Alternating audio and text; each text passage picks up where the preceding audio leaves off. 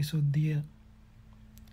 පෘතජ්ජනයන්ට ඊතා මිහිරි වූ පස්කම් සුවය හැරදමා බොහෝ වෙහෙසමින් බොහෝ දුක් ගනිමින් මේ විදර්ශනා භාවනාව කළ යුතු වන්නේ දුක් රසක්ම වූ මේ නාම රූප පරම්පරාව මරණයෙන්ද කෙලවර නොවි ඉන් ඔබ්බෙහිද කුඩා මහත් ಜಾතිවල නැවත නැවතත් ඉපදීම් වශයෙන් කාල සීමා නියමයක් නැතිව දිගින් දිගට ඉදිරියට යන බැවිනි. එය මරණයෙන් කෙලවර වන්නක් නම් යෝගාවචරයන් විසින් දුකින් හොයන දුකින් මිදීම ඉබේම ලැබෙන බැවින් විදර්ශනා වඩා වෙහෙසීමට උවමනාවක් නැත.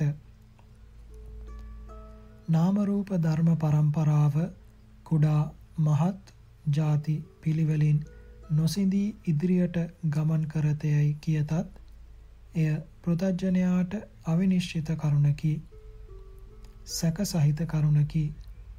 මේ සැකය යෝගාවචරයාගේ වීරිය ලිහිල්වීමට හා පසුබැසීමටත් හේතුවකි. සැකයන් යනු පසුබැස බැස ඉදිරියට යන්නා වූ යෝගාවචරයා හට විදර්ශනාවෙන් පැමිණිය යුතු උසස් තැන වූ ලෝකෝත්තර මාර්ගයට කවර කලකවත් නොපැමිණිය හැකිය. එබැවින් ඒ සැකය ලෝකෝත්තර මාර්ගය ප්‍රතිලාභයට මහත් බාධාවකි. කිනම් දෙයක් වුවත් නැති කිරීමේ පහසු වනුයේ එහි උප්පාදක හේතුව සොයාගත් කල්හිය. දුක්ඛ ස්කන්ධය වූ නාම රූප ධර්මයන්ගේ ඉදිරි ගමන නැති කල හැක්කේද එහි සැබෑ හේතුව සොයා ගැනීමෙනි. නාම රූපයන්ගේ හේතු වශයෙන් නොඑක් අය නොඑක් දේ දක්වති. එබැවින් සාමාන්‍ය පෘතජ්ජනයා හට එහි සත්‍ය හේතුව අවිනිශ්චිතය. හේතුව පිළිබඳව ඔහුට නොඑක් සැක පහළ වන්නේය. නිශ්චිත වශයෙන් හෝ දත් හේතුව නොනසිය හැකිය. එබැවින් හේතුව පිළිබඳ අවිනිශ්චිත බව සැක සහිත බව මාර්ගඥාන ප්‍රතිලාභයට මහත් බාධාවකි. ඒ සැක දෙක දෘෂ්ටි විසුද්ධිය සම්පාදනය කරගත් යෝගාවචරයා හට ඉදිරි ගමනට ඇති ප්‍රධාන බාධක දෙකය. සාමාන්‍යයෙන් එයට බාධක වන තවත් කාංකාවෝ ඇතියහ. දැන්නේ සියල්ලම දුරු කළ නිවන් මඟ හෙළිකර ගැනීම පිණිස යෝගාවචරයා විසින් කර යුත්තේ කාංකා විතරණ විසුද්ධිය සම්පාදනය කිරීමයි. මම පෙරත් විසුවෙම්ද නොවිසුවෙම්ද විසුවෙම් නම් කොයි විසුවෙම්ද? මම මේ ඉපිද සිටිනුවේ පළමු වරටමද නැතහොත් යම් තැනක සිට මෙහි පැමිණියෙම්ද? මම කෙසේ උපන්නෙමිද? රූපය මමද? නැතහොත් නාමය මමද? ඒ දෙකම මමද? ඒ දෙකින්ම අනෙකෙක් මමද? මරණයෙන් මම කෙලවර වන්නෙම්ද? නැතහොත් නැවතත් උපදින්නෙම්ද? උපදුනොත් කොහි උපදින්නෙම්ද? කෙසේ උපදින්නෙම්ද? යනාදීන් කාලාත්‍රය පිළිබඳවම ඇතිවන්නා වූ සකල කාංකාවන් දුරු කිරීමට සමර්ථ වූ නාම රූපයන්ගේ හේතු පිළිබඳ වූ පරිසුද්ධ ඥානය දර්ශනය කාංකා විතරණ විසුද්ධියයි. පටිච්ච සමුප්පාද ක්‍රමය කාංකා විතරණ විසුද්ධිය ඇති කරගත හැකි වන්නේ නාම රූප ධර්මයන් උපදවන හේතුන් සොයා ඒවා ගැන මනා අවබෝධයක් ඇති කර ගැනීමෙනි. නාම රූපයන්ගේ හේතු දක්වන ක්‍රම කීපයකි. එයින් එක් ක්‍රමයක් වූ පටිච්ච සමුප්පාද ක්‍රමය මෙහි දක්වනු ලැබේ. තථාගතයන් වහන්සේ සම්බුද්ධත්වයට පැමිණියේද පටිච්ච සමුප්පාද අනුලෝම ප්‍රතිලෝම වශයෙන් මෙනෙහි කිරීමෙනි. එබැවින් කාංකා විතරණ විසුද්ධිය ඇති කර ගැනීම සඳහා සම්මර්ෂණය කිරීමට එනම් භාවනා කිරීමට ඊටාම හොඳ දෙය පටිච්ච සමුප්පාදයේ බව කිව යුතුය.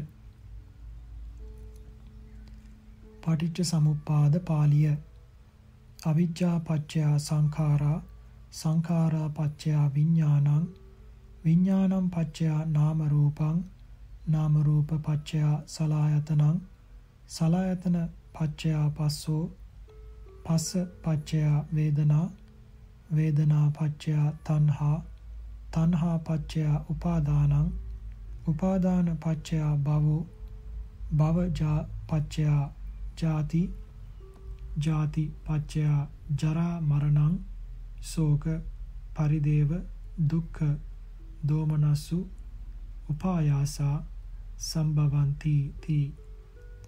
ඒවමේ තස්ස කේවලස්ස දුක්ඛක්ඛන්දස්ස සමුදයෝ හෝති. තේරුම අවිද්‍යාව නිසා සංස්කාරයෝ හටගනිත්. සංස්කාරයන් නිසා විඥාන පහළ වෙයි. විඥාන නිසා නාම රූප දෙක හටගනී. නාම රූපය නිසා ෂඩ් ආයතන පහළ වෙයි. ෂඩ් ආයතන නිසා ස්පර්ශය පහළ වෙයි. ස්පර්ශය නිසා වේදනාව පහළ වෙයි. වේදනාව නිසා තෘෂ්ණාව පහළ වෙයි. තෘෂ්ණාව නිසා උපාදානය පහළ වෙයි. උපාදානය නිසා භවය පහළ වෙයි. භවය නිසා ජාතිය හෙවත් නැවත ඉපදීම ඇති වෙයි. ජාතිය නිසා ජරා මරණ ශෝක පරිදේව දුක්ඛ දෝමනස්ස උපායාසයෝ ඇතිවෙත්. මෙසේ මේ අමිශ්‍ර වූ දුක්ඛස්කන්ධයෝගේ පහළවීම වෙයි. විස්තරය. අවිජ්ජා පච්චය සංඛාරා. අවිද්‍යාව යනු චතුරාර්ය සත්‍ය නොදැනීමයි. විස්තර වශයෙන් කියතොත් දුක දුක ඇතිවීමේ සැබෑ හේතුව සැබෑ සැපය සැබෑ සැපය ලැබීමේ සැබෑ හේතුවය යන කරුණු හතර පිළිබඳ නොදැනීම අවිද්‍යාවයි. නොදැනීමක් යයි කී නමුත් එය දැනීමේ අභාව මාත්‍රයක් නොව වරදවා දැනීමකි. මෝහය මෝඩකම යන මේවාද එයට කියන නාමයෝය. එහි ලක්ෂණය නම් නොදැනීමය. ඇති සැටිය වසා සත්වයා මුලා කරවීම නොමග යැවීම එහි කෘත්‍යයයි. එයට අන්ධකාරයක් එය අන්ධකාරයක් වැනිය. වියලි තන අමු තනසේ දැක්වීමට අශ්වයනට පළඳවන නිල් කණ්ණාඩිය වැනිය. සත්වයාය කියනු ලබන නාම රූප ධර්ම සමූහය හෙවත් ස්කන්ධ පංචකය සත්‍ය ಜಾති ආදී වශයෙන් 11 වැදෑරුම් වූ ගිනි දැල් වලින් වෙලී පවත්තන්නකි සංස්කාර දුක්ඛාදී ත්‍රිවිධ දුක්ඛයෙන් নিরතුරුවම පෙළෙනු ලබන්නේකි. ස්කන්ධ පංචකය යම් තාක් පවතීද ඒ තාක් කායික වූද මානසික වූද ඉවසීමට අතිශයින් දුෂ්කර වූ දරුණු වූ කටුක වූ දුක්ඛ වේදනාවෝ නැවත නැවතත් පහළවන්නාහුය. එබැවින් පංචස්කන්ධයාගේ පැවැත්ම දුකකි නපුරකි දුක්ඛ සත්‍ය වසන අවිද්‍යාවෙන් යුක්ත සිත් ඇත්තහුට ඒ පංචස්කන්ධය පෙනෙන්නේ ඊතා සුන්දර දෙයක් ලෙසටය උතුම් දෙයක් ලෙසටය. එහි පැවැත්ම සුවයක් ලෙසය නොපැවැත්ම නපුරක් ලෙසය බිව බිය විය යුත්තක් ලෙසය. අවිද්‍යාව නිසා පංචස්කන්ධය සුවයක් වශයෙන් දක්නා තැනැත්තා හට එය ගැන බලවත් කැමැත්තක් පහළ වෙයි. එය නැසෙන්නට නොදී පවත්වා ගැනීමට බලවත් ඕනෑකමක් ඇති වෙයි. එයට තෘෂ්ණාවයයි කියනු ලැබේ. ඒ තෘෂ්ණාව නිසා නාම රූප පරම්පරාව මරණින්ද කෙලවර නොවි නැවත නැවතත් ඇති වේ. එබැවින් ඒ තෘෂ්ණාව පංචස්කන්ධ සංඛ්‍යාත දුක්ඛය ඇතිවීමේ සත්‍ය හේතුවයි. සමුදය සත්‍ය වසන අවිද්‍යාවෙන් යුක්ත සිත් ඇති තනත්තාහට පෙනෙනුයේ ඒ තෘෂ්ණාව දුක් ලැබීමේ හේතුවක් හැටියට නොව සැප ලැබීමේ සැපයට පැමිණීමේ හේතුවක් ලෙසටය. එබැවින් හෙතෙම ඒ තෘෂ්ණාව නැතිය වුණටත් නැති කිරීමට අනුශාසනා කරන්නවුන්ටත් නින්දා කරති.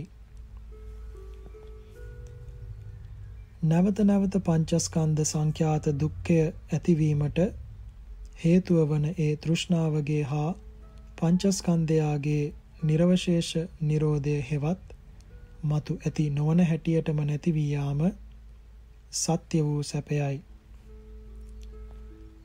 බුද්ධාදීන් වර්ණනා කරන නිවන එයයි. පංචස්කන්ධයාගේ නැතිවීමක් වී නම් එය Nirodha Satya වසන අවිද්‍යාවෙන් යුක්ත සිත් ඇතියහුට වැටහෙන්නේ ඊ타ම නපුරක් හැටියටය. බිය විය යුත්තක් දුකක් හැටියටය. කිසිම හරයක් නැති ගත යුත්තක් නැති දෙයක් හැටියටය. දුක්ඛ නිරෝධය වූ නිවනට නොවරදවා පමුණුවන ප්‍රතිපත්තිය වූ ආර්ය අෂ්ටාංගික මාර්ගය සැබෑ සැපය ලැබීමේ සැබෑ මාර්ගයයි. මාර්ග සත්‍ය වසන තෘෂ්ණාවෙන් යුක්ත සිත් ඇති තැනැත්තාහට එය වැටහෙන්නේ දුකක් ලෙසටත් මෝඩකමක් ලෙසටත් නිෂ්ඵල දෙයක් ලෙසටත් විනාශදායක ප්‍රතිපත්තියක් ලෙසටත්ය. මෙසේ චතුරාර්ය සත්‍ය වසා සත්වයා නොමග යවන අවිද්‍යාව නිසා දුක්ඛස්කන්ධය වූ පංචස්කන්ධය සුඛස්කන්ධයක් කොට ගන්නා අන්ධ පෘතජන තෙමේ වර්තමාන පංචස්කන්ධය ආරක්ෂා කරනු සඳහාද පිනවීම සඳහාද චිරකාලයක් පැවැත්වීම සඳහාද උවමනා ආහාර පාන වස්ත්‍ර වාසස්ථාන ආදී උපකරණද අමුදරු ආදීන්ද ලබනු සඳහා ගොවිකම් අත්කම් සේවා කර්මාන්ත වෙළඳාම් ආදිය කරන්නේය. සමහර විට ප්‍රාණඝාත අදත්තාදාන පරදාර සේවන ආදිය කරන්නේය. සමහර විට දාන සීල භාවනා ද කරන්නේය. අනාගතේහි දිව්‍ය ලෝක ආදීෙහි ඉපදීම් වශයෙන් පංචස්කන්ධය ලබනු සඳහා දන් දීම සිල් රැකීම භාවනාව යන මේවා කරන්නේය. පංචස්කන්ධ පිනිස කරන්නා වූ ඒ ක්‍රියා රාශිය සංස්කාර නම් වේ. අවිද්‍යාවෙහි සංස්කාර නැත. සංස්කාර ඉපදීවීමේ උත්සාහයක්ද අවිද්‍යාවෙහි නැත. එහෙත් අවිද්‍යාව නැතහොත් සංස්කාරය නම් වූ පින් පව් රාශිය ඇති නොවන බැවින් අවිද්‍යා හේතුවෙන් සංස්කාරයෝ හටගනිතියයි වදාරන ලදී. සංඛාර පච්චයා විඥානං අවිද්‍යාවෙන් මුඩ වූ සත්වයා හට ජීවත් වීමේ එනම් පංචස්කන්ධය පවත්වා ගැනීමේ ආශාව කොතෙක් මහතට තිබුණත් එය පවත්වා ගැනීමට කොතෙක් පරිශ්‍රම දැරුවත් එයට පැමිණෙන ජරා මරණ දෙක නොවැළැක්විය හැකිය. ඔහුට මරණය ඒකාන්තයෙන් වන්නේය. ඒ අවස්ථාවේදී ඔහු තුල පවත්නා ජීවත්වීමේ ආශාව නිසා ඒ චිත්ත පරම්පරාව සිඳී නොගොස් పూర్ව භවයාගේ අන්තිම විඥාණය නිරුද්ධ වීමට අනතුරුව අනතුරුවම දෙවන જાතියක ඉපදීම් වශයෙන් නැවත විඥාන පහළ වෙයි. අතීත වර්තමාන දෙක සම්බන්ධ කිරීම වශයෙන් පහළ වූ බැවින් ඒ අභිනම අභිනව භවයේ පළමුවන විඥාණයට ප්‍රතිසන්දි විඥානයයි කියනු ලැබේ. සංඛාර පච්චය විඥානං යන මෙහි විඥානය යයි කියන ලදුවේ ඒ ප්‍රතිසන්දි විඥාණයටය. විඥානයක් ඇතිවීමට අරමුණක් ලැබිය යුතුය. අරමුණක් නොගෙන විඥානයකට පහළ විය නොහැකිය. ප්‍රතිසන්දි විඥාණයට අරමුණක් ලැබෙන්නේ අතීත කර්මයන් ගෙන්ය. අතීත වූ කර්මය මරණාසන්න සත්වයා හට කර්මය කර්ම නිමිත්ත ගති නිමිත්ත යන තුනෙන් එකක් ඉදිරිපත් කරවීම වශයෙන් එළඹ සිටින්නේය. ප්‍රතිසන්දි විඥාණය එය අරමුණු කොටගෙන අතීත කර්මයාගේ විපාකයක් වශයෙන් පහළවන්නේය.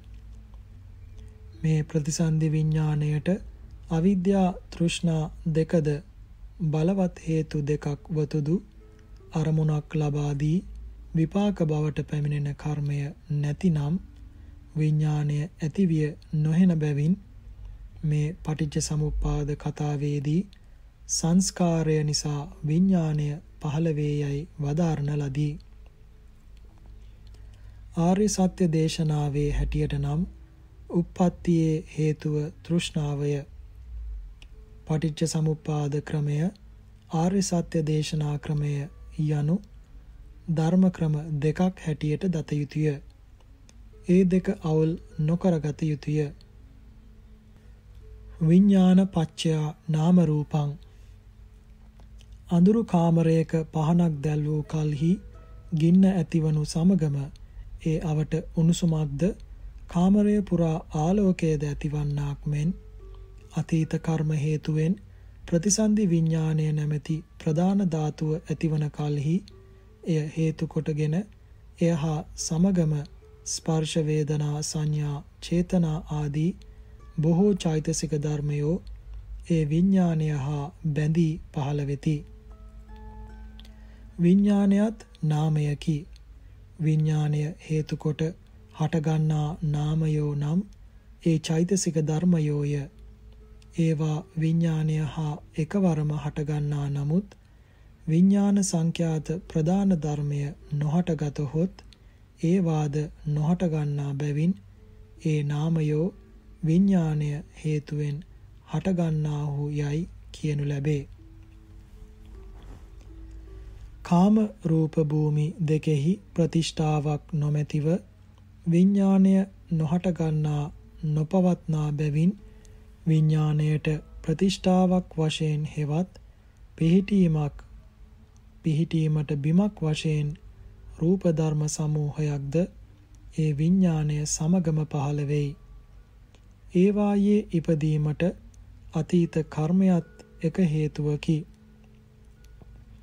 එහෙත් විඥාණය පහළ නොවෙතහොත් ඒ රූපයන්ගේ පහළවීමද නොවන බැවින් මේ පටිච්ච සමුප්පාද දේශනාවෙහි ඒ රූපයෝද විඥාන හේතුවෙන් පහළ වෙතයයි වදාළහ. නාම රූප පච්චයා සලායතනං සලායතනය නම් චක්ඛායතන සෝතායතන ගානායතන ජීවහා ආයතන කායායතන මන ආයතන යන මේ හයයි. මේ චක්ඛායතනයයි කියනු ලබන්නේ දෘෂ්ටි විසුද්ධිය දැක්වීමේදී කියන ලද චක්කු ප්‍රසාදයටයි. සෝතායතන ගානායතන ජීවහායතන කාය ආයතනයෝද සෝත ගාන ජීවහා කාය ප්‍රසාදයෝ යන යන ලෙසද දත යුතුය. මන ආයතනය යනු විඥාන ධාතුවයි. පොල් මලක හටගන්නා කුඩා ඇට්ටි ගෙඩියකයි ගෙඩියෙහි පොල් කටු පොල් මද පොල් වතුර පොල් කෙඳි යන මේවායින් කිසිවක් නැත. කල්යාමෙන් එය වැඩන කල්හි එයින්ම පොල් කටුවද පොල් මදයද පොල් වතුරද පොල් කෙඳිද ඇතිවෙයි. එමෙන්ම විඤ්ඥාන ධාතුවෙන් හටගත් රූපය කර්ම චිත්ත ඍතු ආහාර සංඛ්‍යාත ප්‍රත්‍යයන් ලැබී වර්ධනය වන කලෙහි චක්කු ආදී ආයතනය පහළ වෙති කාය ආයතනය වනාහි ප්‍රතිසන්දි විඥාණය සමගම පහළවන්නකි. එහෙත් ශරීරය වැඩිමෙන් පසු එයද විශාල වෙයි. සමහර සත්වයනට ආයතන පසම විඥානයේ සමග පහළ වෙයි. මන ආයතනය වනාහි නාමයේයයි කියන ලද චෛතසිකයන්ගේ වර්ධනයෙන් ඇතිවන්නකි. ලෝභ, ద్వේෂ, ඊර්ෂ්‍යා ආදී එක් චෛතසිකයක් වරක් බලවත්ව ඇති වූ කලෙහි එයට අනුව ඒ වේගය නිසා දිග විඥාන පරම්පරාවක්ම පහළ වෙයි. මේ නාමය හේතු කොට මන ආයතනය ඇතිවන ආකාරයයි. පළමු විඥාන පච්චයා නාම රූපං යනුවෙන් විඥාන නිසා හටගන්නේ යයි කී නාම මෙහිදී ඒ නාමම මෙහිදී නැවත විඥානය වූ මනායතනය ඇතිවීමේ හේතුවක් කොට කීම කෙසේ ගැලපේද යන ප්‍රශ්නයක් මෙහි ඇතිවේ. එය ගස නිසා gediya හට ගැනීමත් gediya නිසා ගස හැට ගැනීමත් මෙන් දත යුතුය. රූප ආදී අරමුණු ගැනීමට උපකාර වෙමින් විඥාන පරම්පරාව ගලා යැවීම වශයෙන් සංස්කාරය දික් කරන්නා වූ අර්ථයෙන් චක්කු ආදී ප්‍රසාදයෝ ආයතන නම් වෙති. සලායතන පච්චයෝ පස්සෝ මනුෂ්‍ය රූප ආදී අනේක විද රූපයාගේ ඡායාවන් වැදීමට සුදුසු ස්ථානය වූ කැඩපත ඇති කලෙහි එය ඉදිරියේහි ඇති ඉදිරියට පැමිණෙන රූපයන්ගේ ඡායා එය තුලට වැටීම එහි පහළවීම සිදුවන්නාක් මෙන් චක්කු ප්‍රසාද සංඛ්‍යාත උපය ඇති කලෙහි එය ඉදිරියට පැමිණෙන ජීවීන්ගේ හා වස්තුන්ගේ රූ සටහන් එහි පහළවීම එය තුළට ප්‍රවිෂ්ඨ වීම ඒකාන්තයෙන් සිදුවන්නකි. බෙර ඇසට පහර වැදුන කලෙහි හඬක් හටගන්නාක් මෙන්ද ගල් දෙකක් එකට ගැසූ කලෙහි ගිනි පුපුරක් හටගන්නාක් මෙන්ද චක්කු ප්‍රසාදේහි රූප ඡායාව ගැටුණු කලෙහි චක්කු විඥානයක් පහළ වෙයි. ආලෝකයේ ඇති විවෘත ප්‍රදේශයකට වරක් ඇස හැර වූ කලෙහි දහස් ගණන් ලක්ෂ ගණන් රූප ඡායා එහි ගැටි දහස් ගණන් චක්කු විඥානයෝ පහළ වෙති. එබැවින් එක් එක් ඇසක් දහස් දහසක් දෙනා වැඩ කරන කම්හලක් බඳු යයි කිව යුතුය. ඇසෙහි සිදුවන රූප ඡායා ප්‍රසාද විඥාන යන මොවුන්ගේ සංගමයට පස්සයයි කියනු ලැබේ. චක්කු සම්පස්සය, සෝත සම්පස්සය, ගාන සම්පස්සය, ජීවහා සම්පස්සය, කාය සම්පස්සය, මනෝ සම්පස්සයයි පස්සය සවදෑරුම් වෙයි. චක්කු ප්‍රසාද රූප චක්කු විඥාන යන මොවුන්ගේ sannipātayen චක්කු සම්පස්සය වෙයි. සෝත ප්‍රසාද, ශබ්ද, සෝත විඥානයේ යන මොවුන්ගේ sannipātayen සෝත සම්පස්සය වෙයි. ගාන ප්‍රසාද, ගන්ධ, ගාන විඥාන යන මොවුන්ගේ සන්තාප sannipātayen ගාන සම්පස්සය වෙයි. ජීවහා ප්‍රසාද රස ජීවහා විඥාන යන මොවුන්ගේ sannipāතයෙන් ජීවහා සම්පස්සය වෙයි. කාය ප්‍රසාද ස්පර්ශය කාය විඥානය යන මොවුන්ගේ sannipāතයෙන් කාය සම්පස්සය වෙයි. මනෝදාර සංඛ්‍යාත භවාංග චිත්තය ආරම්මණය මනෝවිඥානය යන මොවුන්ගේ වශයෙන් මනෝ සම්පස්සය වෙයි. සෝත සම්පස්ස ආදීන්ගේ විස්තරය කියන ලද කරුණු අනුව සලකා ගත යුතුය. ෂඩ් ආයතනය පහළ නොවුවහොත් පස්සේ නොවන බැවින් ෂඩ් ආයතනයම පස්සයාගේ හේතුව වශයෙන් වදාරන ලදී. පස්සපච්චයා වේදනා වේදනාව යන වචනය සාමාන්‍ය ලෝකයා විවහාර කරනුයේ දුකටය. මේ පටිච්ච සමුප්පාද කතාවෙහි වේදනාව යයි කියනු ලබනුයේ සැප දුක් දෙකටමය. සැපය සුඛ වේදනා නම් වෙයි.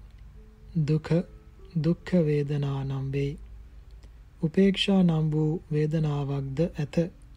එය මන්ද සුඛත්වයෙන් සුඛ වේදනාවට එක්කොට සැලකිය යුතුය. හිතට හසුවන සිතින් දැනගන්නා දේ වලට අරමුණු යයි කියනු ලැබේ. අරමුණු වලින් සමහර එක අරමුණු කරන සිත පිනවන సౌందර්යයක් ඇත්තේය.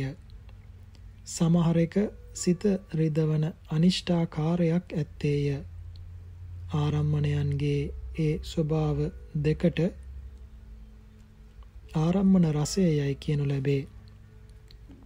සුඛ වේදනාව ආරම්මණයාගේ සුන්දරත්වය නිසා ඇතිවන ඒ සුන්දරත්වය අනුභව කරන විඳින ස්වභාවය ඇති එක්තරා චෛතසික ධර්මයකි.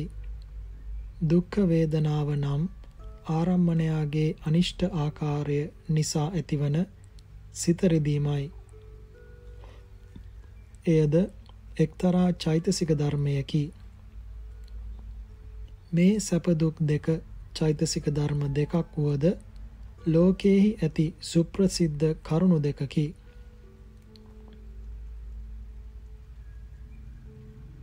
චක්කු සම්පස්ස ආදී වශයෙන් හයක් වූ පස්සයන් අතුරෙන් එකක් වරක් ඇති වූ කලෙහි ඒ එයට හේතු වූ ආරම්මණය ඉෂ්ඨාකාරය ඇති දෙයක් වී නම් එයට අනුව ඒ ආරම්මණය පිළිබඳව පසුව දහස් ගණන් මානසික සුඛ වේදනාවෝ උපදිති.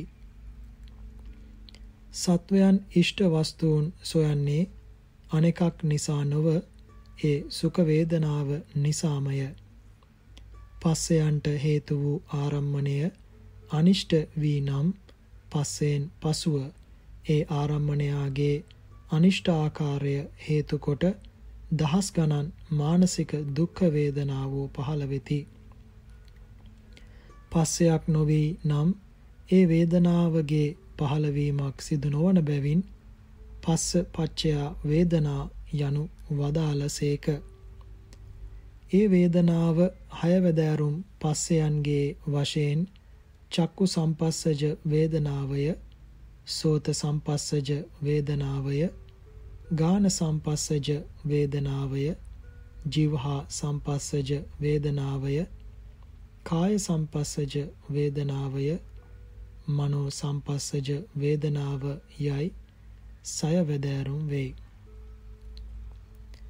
වේදනා පච්චය තණ්හා අභ්‍යන්තරික වූද බාහිර වූද යම්කිසි වස්තුවක් හෝ ක්‍රියාවක් හෝ විඥානයක් හෝ චෛතසික ධර්මයක් හෝ අන්‍ය පුද්ගලයෙක් හෝ හොඳය ඕනෑය කියා ඇතිවන හැඟීම තණ්හා නමි. ලෝභය රාගය ආදරය ඕනෑකම යන නම් වලින් කියවෙන්නේද? ඒ තණ්හාවමය. චක්කු සම්පස්ස ආදියෙන් සුඛ වේදනාවක් එනම් සැපයක් ඇති වූ කලෙහි සත්වයා කෙරෙහි ඇතිවන ඒ සැපය හොඳය. ඒ සැපයට හේතු වන වස්තුව හා පුද්ගලයා හොඳය. ඕනෑය යන හැඟීම වේදනාව නිසා ඇතිවන තණ්හාවයි දුක්ඛ වේදනාව වනාහි සත්වයා පෙළෙන සත්වයාට ඉවසිය නොහැකි අනිෂ්ට ස්වභාවයක් වන බැවින් එය හොඳය ඕනෑය කියා තණ්හාවක් එය සම්බන්ධයෙන් ඇති නොවේ. එහෙත් දුක්ඛ වේදනාවේ නොයවසිය හැකි බව නිසාම සැපය පිළිබඳ බලවත් ඕනෑකමක් සත්වයා හට ඇති වෙයි. ඔහුගේ සිත තමා අතීතයේ ලැබූ සැප කරා දිවෙයි. ඔහු ඒවා පතයි. මෙසේ දුක්ඛ වේදනාව නිසාද තණ්හාව ඇතිවන බව දත යුතුය. රූප තණ්හාය, සද්ද තණ්හාය, ගන්ධ තණ්හාය, රස තණ්හාය, පොට්ටබ්බ තණ්හාය, ධම්ම තණ්හාය යයි තණ්හාව සවදෑරුම් වෙයි. තණ්හා පච්චයා උපාදානං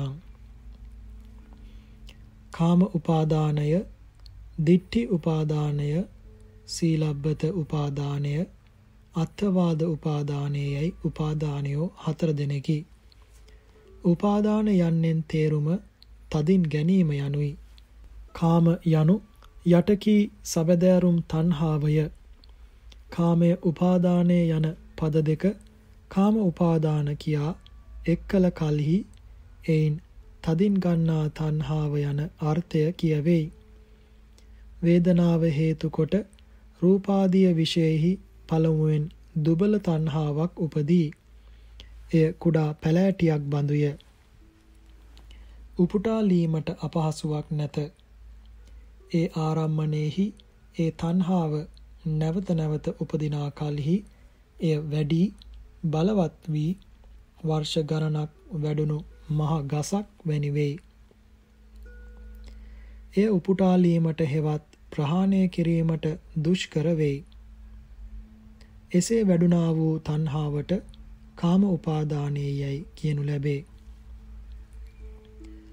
පුරුෂයෙකු විසින් ශෝභන ස්ත්‍රියක් දුටු කලෙහි මේ ස්ත්‍රිය ලස්සනය හොඳය කියා තණ්හාවක් ඇති වෙයි. එය දුරු කිරීමට අපහසු නැත. එබඳු තණ්හා කොපමණවත් ඇති වී ඉබේමත් නැති වෙයි. පළමුව ඇති වූ ඒ දුබල තණ්හාව නිසා ඒ ස්ත්‍රිය තමාගේ භාර්යාව කරගතහොත් ඒ තණ්හාව දියුණු වී උපාදානයක් වෙයි. එකල්හි පුරුෂයා හට ඒ ස්ත්‍රිය අත්හල නොහැකි වෙයි. මේ තණ්හාව උපාදානය වන ආකාරයයි.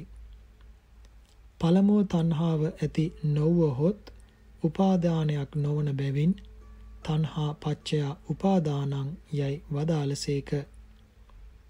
තණ්හාව විශේෂයෙන් හේතු වනුයේ කාම උපාදානයටය.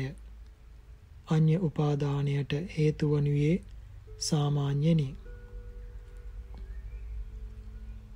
තණ්හා හේතුවෙන් බෞද්ධයන්ට හට ඇතිවන්නේ කාම උපාදාන අත්ථවාද උපාදාන යන දෙකය. දිට්ඨි උපාදාන සීලබ්බත උපාදාන යන් ඇතිවන්නේ ඒ ඒ දෘෂ්ටි ගෙන සිටින්නවුන්ටය. උපාදාන පච්චයෝ භවෝ රන්රිදී මුතුමැණික් කෙත්වතු ආදී වස්තුන් කෙරෙහිද අමුදරු ආදීන් කෙරෙහිද බලවත් ඇල්ම වූ කාම උපාදානයේ ඇති කලෙහි සත්වතෙමේ ඒවා දියුණු කිරීම පිණිසද තව තවත් ලැබීම පිණිසද ආරක්ෂා කරනු පිණිසද අනේක ක්‍රියා කරන්නේය. සමහර විට ඒවාට හානි කරන සතුරන් නැති කිරීම පිණිස ප්‍රාණඝාතයද කරන්නේය. ඒවා පිළිබඳ නොයෙක් කරුණු නිසා අදත්තා දාන ආදියද කරන්නේය. මතු ಜಾතිවලදී ඒවා ලබනු පිණිස දන් දෙන්නේය. සිල් රකින්නේය. භාවනා කරන්නේය. පංචස්කන්ධය තදින් ආත්මය වශයෙන් ගන්නා අත්වාද උපාදානය ඇති කලෙහි සත්වතෙමේ මමය කියා ගන්නා වූ ඒ පංචස්කන්ධය පෝෂණය කරනු පිණිස සුවපත් කරනු පිණිස ආරක්ෂා කරනු පිණිස අනේක ක්‍රියා කරන්නේය. ආත්මයට අහිතයන් දුරු කිරීම පිණිස හා එය සුවපත් කරනු පිණිස ප්‍රාණඝාත ආදිය කරන්නේය. අනාගතයේහිද ඒ පංචස්කන්ධය ලැබීම පිණිස දන් දෙන්නේය.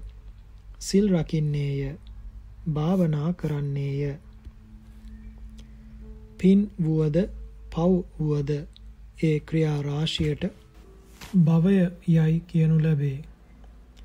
තවද කර්මය නිසා හටගන්නා වූ දිව්‍ය මනුෂ්‍ය ආදී ස්කන්ධයනටද භවය යයි කියනු ලැබේ.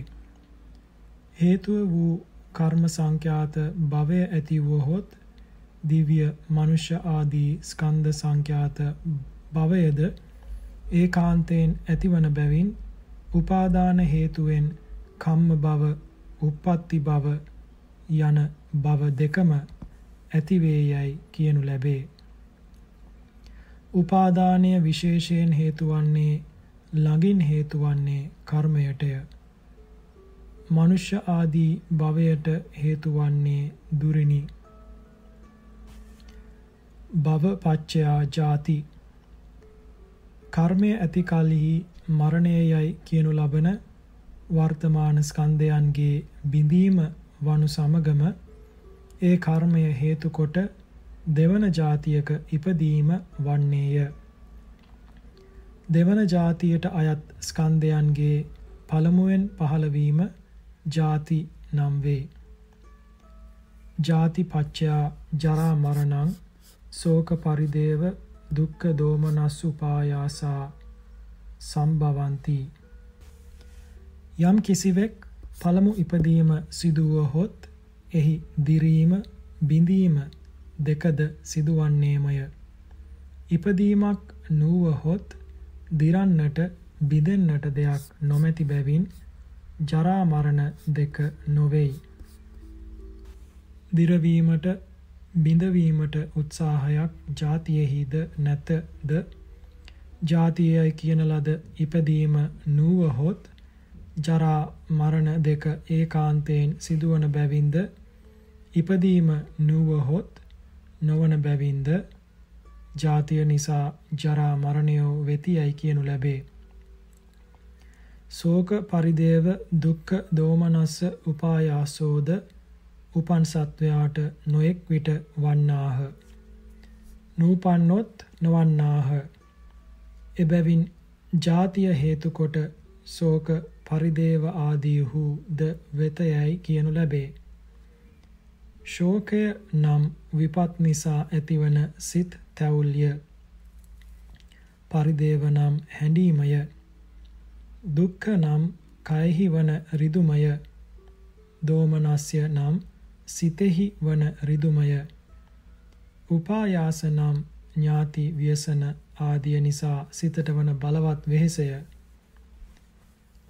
අවිද්‍යාව සංස්කාරය විඥාණය නාම රූපය සලායතනය ස්පර්ශය වේදනාවය තණ්හාවය උපාදානය භවය ජාතිය ජරා මරණ යයි. පටිච්ච සමුප්පාදේහි අංග 12කි. ශෝක ආදීහු අංග වශයෙන් නොගනු ලැබෙත්. මේ පටිච්ච සමුප්පාද දේශනාව සත්වයාගේ මුල් පටන් ගැනීම දක්වන දේශනාවක් නොවේයි. කාලය වනාහි පටන් ගැනීමක් නැති දෙයකි. පටන් ගැනීමක් නැති ඒ කාලයේ අසවල් වකවානුවේදී අවිද්‍යාව ආදී නාම රූප ධර්මයෝ නොපැවැත්තාහ. ඉන් පසුව මේ නාම රූප ධර්ම ඇති වූහ යයි දැක්වීමට වකවානුවක් නැති බව තථාගතයන් වහන්සේ වදාළසේක. සත්වයාය කියනු ලබන මේ නාම රූප ධර්ම සමූහයෙහි උපදින සෑම ධර්මයක්ම සැනකින් බිඳී අතුරුදහන් වන්නේය. ඉපිද බිඳුණු ධර්මය බිඳුනේමය එහි නැවත ඉපදීමක් නම් නැත. උපදින සියල්ලම පෙර නූපන් අලුත් ධර්මයෝය. බිඳීගිය ධර්මයන්ගේ හා වර්තමාන ධර්මයන්ගේ හා ඇත්තේ පරම්පරා සම්බන්ධයක් පමණකි.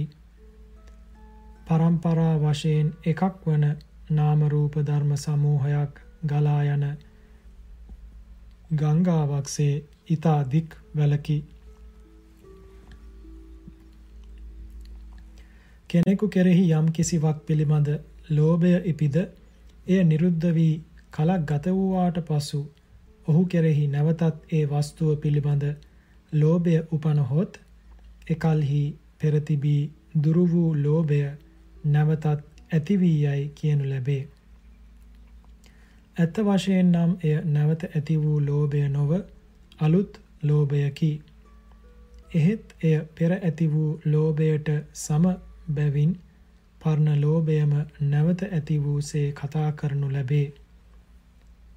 ඒ ක්‍රමයෙන් සලකන කල්හි සැමතන්හිම අතීතයේ නිරුද්ධ වූ ධර්මයට සමානව යම් ධර්මයක් උපනහොත් එයට අතීතයේ වූ ධර්මයක් නැවත ඉපදීමක්සේ කියනු ලැබේ. ඒ ක්‍රමයට අනුව කතා කරන කල්හි අවිද්‍යා ආදී ධර්ම සමූහය වැලක් නොව චක්‍රයකි.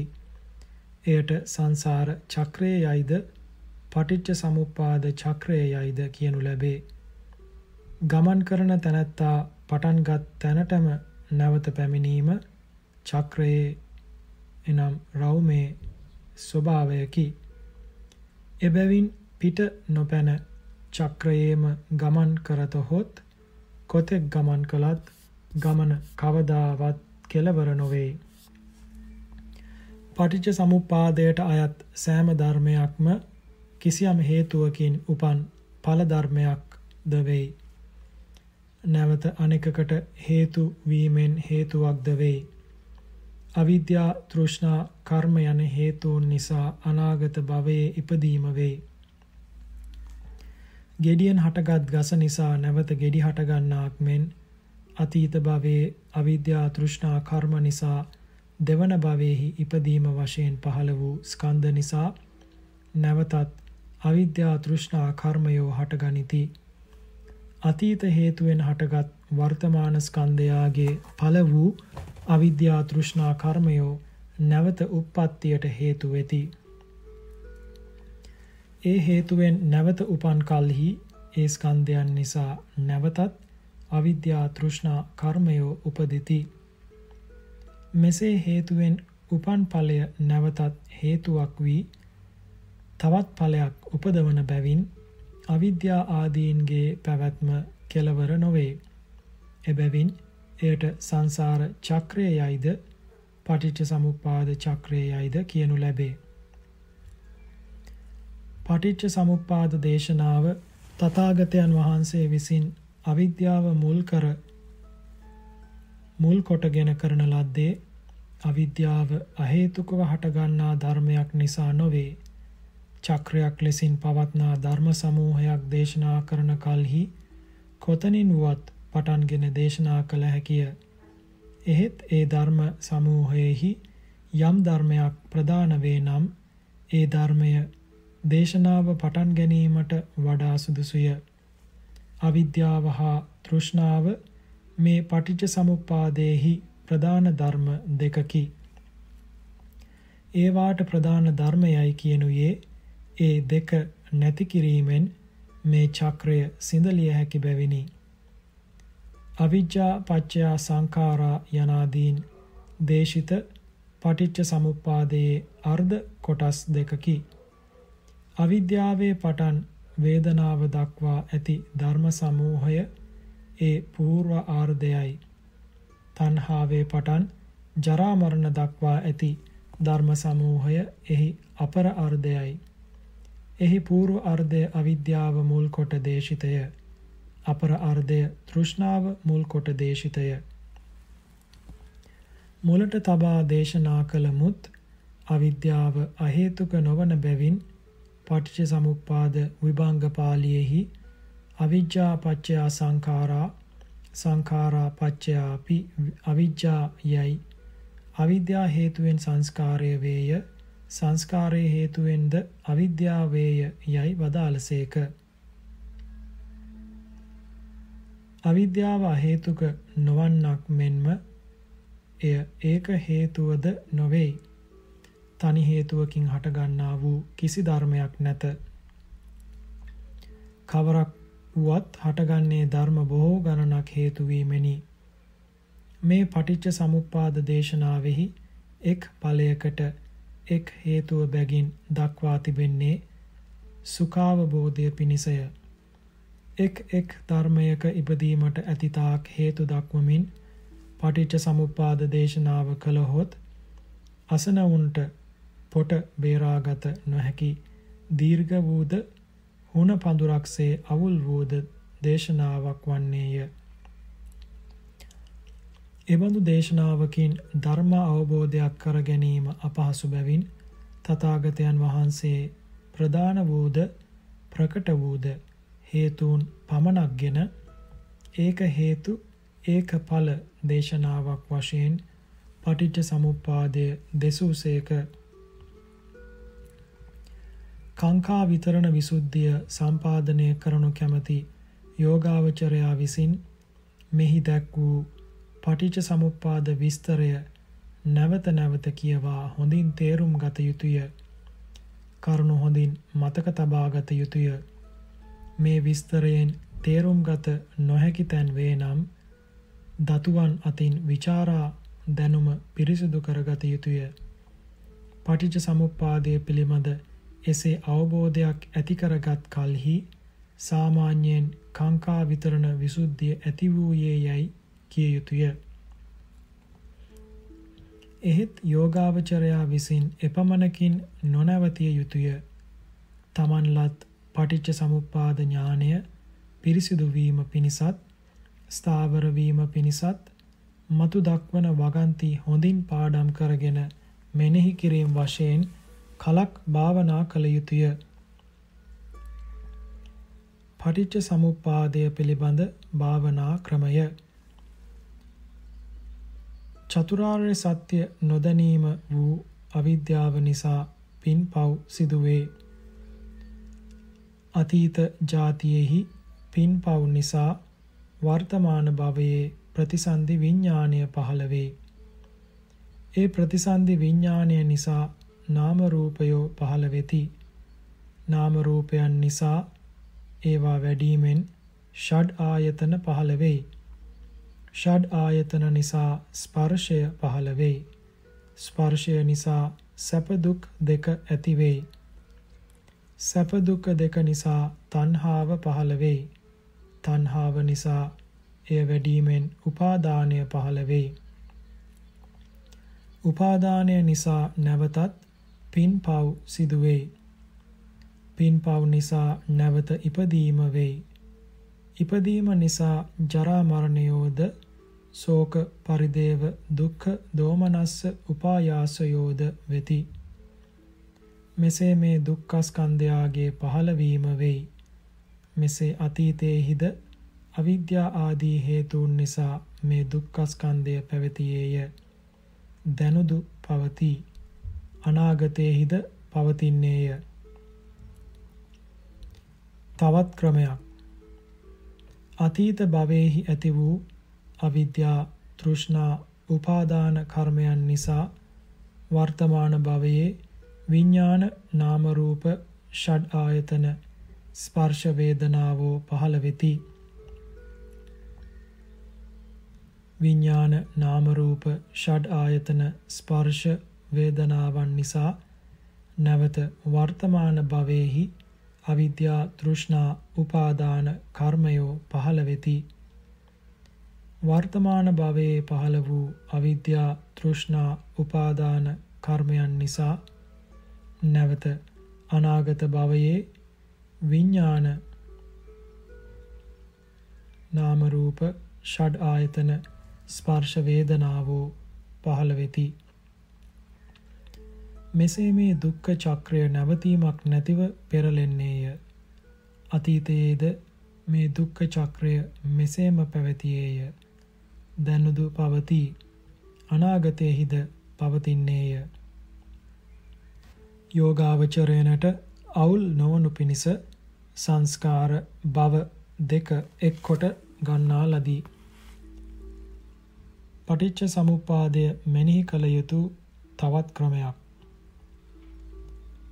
සංස්කාර උපදවන උත්සාහයක් අවිද්‍යාවෙහි නැත. තමා නිසා සංස්කාර උපදනා බවද අවිද්‍යාව නොදනී. අවිද්‍යාව විසින් සංස්කාර උපදවන්නේද නොවේ. අවිද්‍යාවෙන් අන්‍ය සංස්කාර උපදවන කෙනෙක්ද නැත. ඉපදීමේ අදහසක් සංස්කාරයන්හි නැත. එහෙත් අවිද්‍යාව නිසා සංස්කාරයෝ උපදිති. විඥානයක් ඉපදවීමේ උත්සාහයක් සංස්කාරයන්හි නැත. තමන් නිසා විඥානයක් උපදනා බවද සංස්කාරයෝ නොදනිති. සංස්කාරයන් විසින් විඥානය උපදවන්නේද නැත. සංස්කාරයන් හැර විඥානය උපදවන කෙනෙක්ද නැත. ඉපදීමේ අදහසක් විඥාණයට නැත. එහෙත් සංස්කාරයන් නිසා විඥාණය උපදී. නාම රූප ඉපදීම ඉපදවීමේ උත්සාහයක් විඥානයේහි නැත. තමා නිසා නාම රූප උපදිනා බවද විඥානය නොදනී. විඥාන නාම රූප උපදවන්නේද නොවේ. විඥානය හැර නාම රූප උපදවන වෙන කෙනෙක්ද නැත. ඉපදවීමේ අදහසක් නාම රූප ඉපදීමේ අදහසක් නාම රූපයන්ගේ නැත. එහෙත් විඥාණය නිසා නාම රූපයෝ උපදිති. ෂඩ් ආයතනයත් ඉපදවීමේ උත්සාහයක් නාම රූපයන්හි නැත. තමන් නිසා ෂඩ් ආයතනයන් උපදිනා බවද නාම රූපයෝ නොදනිති. නාම රූපයත් විසින් ෂඩ් ආයතනයත් උපදවන්නේද නොවේ. නාම රූපයන්ගෙන් අන්‍ය ෂඩ් ආයතනයන් උපදවන කෙනෙක්ද නැත. ඉපදීමේ අදහසක් ෂඩ් ආයතනයන්හි නැත. එහෙත් නාම රූපයන් නිසා ෂඩ් ආයතනය උපදිති. ස්පර්ශය ඉපදවීමේ උත්සාහයක් ෂඩ් ආයතනයන්හි නැත. තමන් නිසා ස්පර්ශය උපදනා බවද ෂඩ් ආයතනය නොදනිති. ෂඩ් ආයතනයන් විසින් ස්පර්ශය උපදවන්නේද නොවේ. ෂඩ් ආයතනයන්ගෙන් අන්‍ය ස්පර්ශය උපදවන කෙනෙක්ද නැත. ඉපදීමේ අදහසක් ස්පර්ශයේ නැත. එහෙත් ෂඩ් ආයතනයන් නිසා ස්පර්ශය උපදී. වේදනාව ඉපදවීමේ උත්සාහයක් ස්පර්ශයේ නැත. තමා නිසා වේදනාව උපදන බවද ස්පර්ශය නොදනී. ස්පර්ශය වේදනාව උපදවන්නේද නොවේ. ස්පර්ශයෙන් අන්‍ය වේදනාව උපදවන කෙනෙක්ද නැත. ඉපදීමේ අදහසක් වේදනාවේ නැත. එහෙත් ස්පර්ශය නිසා වේදනාව උපදී. තෘෂ්ණාව ඉපදවීමේ උත්සාහයක් වේදනාවේ නැත. තමා නිසා තෘෂ්ණාව උපදනා බවද වේදනාව නොදනී. වේදනාව තෘෂ්ණාව උපදවන්නේ නොවේ. වේදනාවත් වේදනාවෙන් අන්‍ය තෘෂ්ණාව උපදවන කෙනෙක්ද නැත. ඉපදීමේ අදහසක් තෘෂ්ණාවට නැත. එහෙත් වේදනාව නිසා තෘෂ්ණාව උපදී. උපාදානයේ ඉපදවීමේ උත්සාහයක් තෘෂ්ණාවට නැත. තමා නිසා උපාදානය ඇතිවන බවද තෘෂ්ණාව නොදනී. තෘෂ්ණාව උපාදානය ඇති කරන්නේද නැත. තෘෂ්ණාවෙන් අන්‍ය උපාදානය ඇති කරන කෙනෙක්ද නැත. ඉපදීමේ අදහසක් උපාදානයේ නැත. එහෙත් තෘෂ්ණාව නිසා උපාදානය උපදී. භවය ඇතිකිරීමේ උත්සාහයක් උපාදානයෙහි නැත. තමා නිසා භවය ඇතිවන බවද උපාදානය නොදනී. උපාදානය විසින් භවය ඇති කරන්නේද නැත.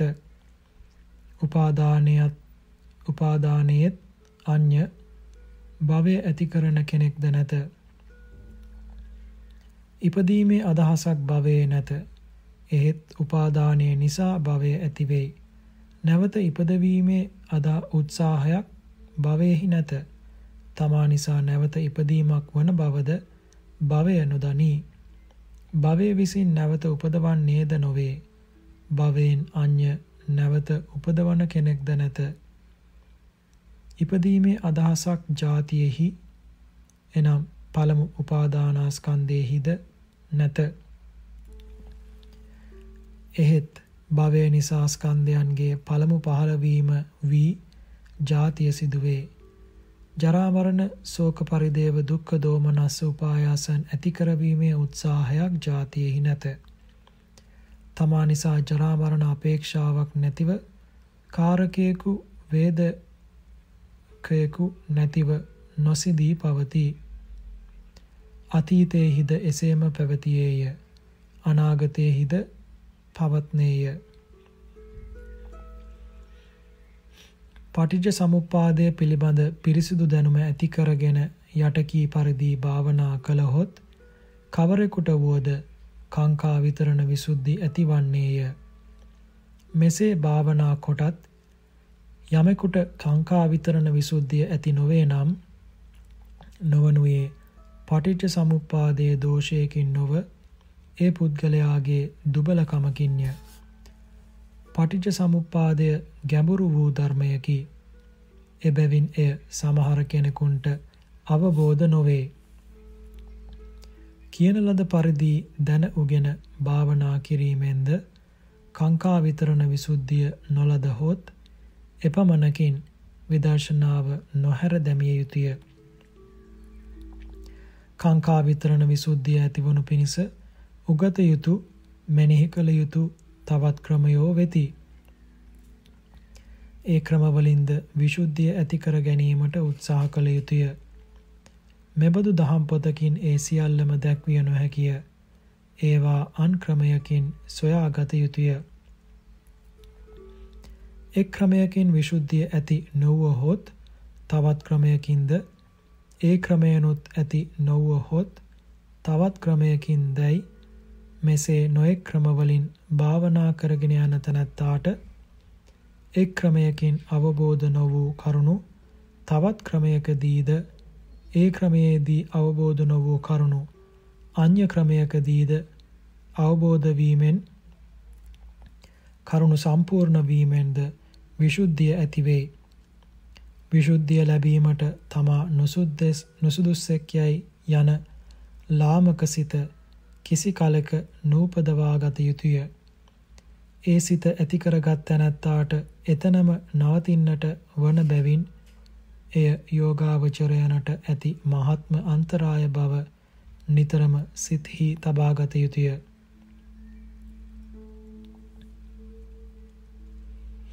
සක්කාය දිට්ඨි විචිකිච්ඡා දෙක මතු නූපදනා පරිදි ਸਰව ආකාරයෙන් දුරවන්නේ සෝවාන් මාර්ගයට පැමිණීමේදීය.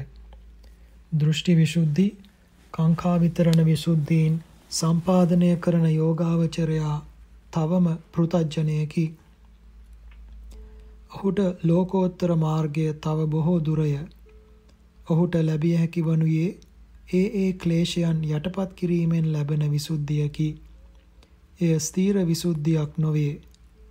එය ස්ථීර වනුයේ සෝවාන් මගට පැමිණීමෙනි.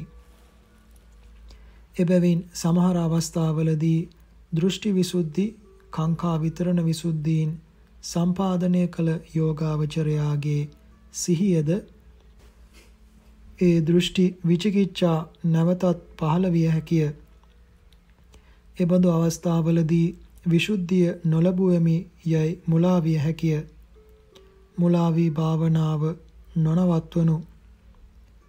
සමහර විට අශුද්ධ වීම පෘතජ්ජනයාගේ විසුද්ධියේ ස්වභාවයයි. ලෞකික ඥාන බලයෙන් යටපත් කිරීම වශයෙන් දුරු කළ ක්ලේශයන් නැවත නැගී එන්නට ප්‍රධාන වශයෙන් හේතු වන්නේ විසම අදහස් ඇති පුද්ගලයෝය. එබැවින් යෝගාවචරයන් විසින් එබඳු පුද්ගලයන්ගෙන් හැකිතාක් වෙන්ව විසීමටත් සත්ප්‍රාය පුද්ගලයන් සේවනය කිරීමටත් උත්සාහ කළ යුතුය. කාංකා විතරණ විසුද්ධිය සම්පාදනය කොට ඉතිරි විසුද්ධීන් සඳහා භාවනා කරන කාලයේදී යම් විටක දෘෂ්ටිය හෝ විචිකිච්ඡාව ඇති වුවහොත් පෙර ඒ විසුද්ධීන් සම්පාදනය සඳහා භාවනා කළ කරුණු මෙනෙහි කරනු එසේ කරන කලෙහි ඒවා ඉක්මනින් දුරු වෙනවා ඇත ඒවා එසේ දුරු කරගෙන ඉදිරියට භාවනාව කරගෙන යනු තමාට කාංකා විතරණ විසුද්ධිය ලැබුණු බැව් පෙනුන විටකදී ඒ සඳහා කළ යුතු භාවනාව නවත්වා මග්ගා මග්ග ඥාන දර්ශන විසුද්ධිය සඳහා කළ යුතු භාවනාව පටන් ගත යුතුය.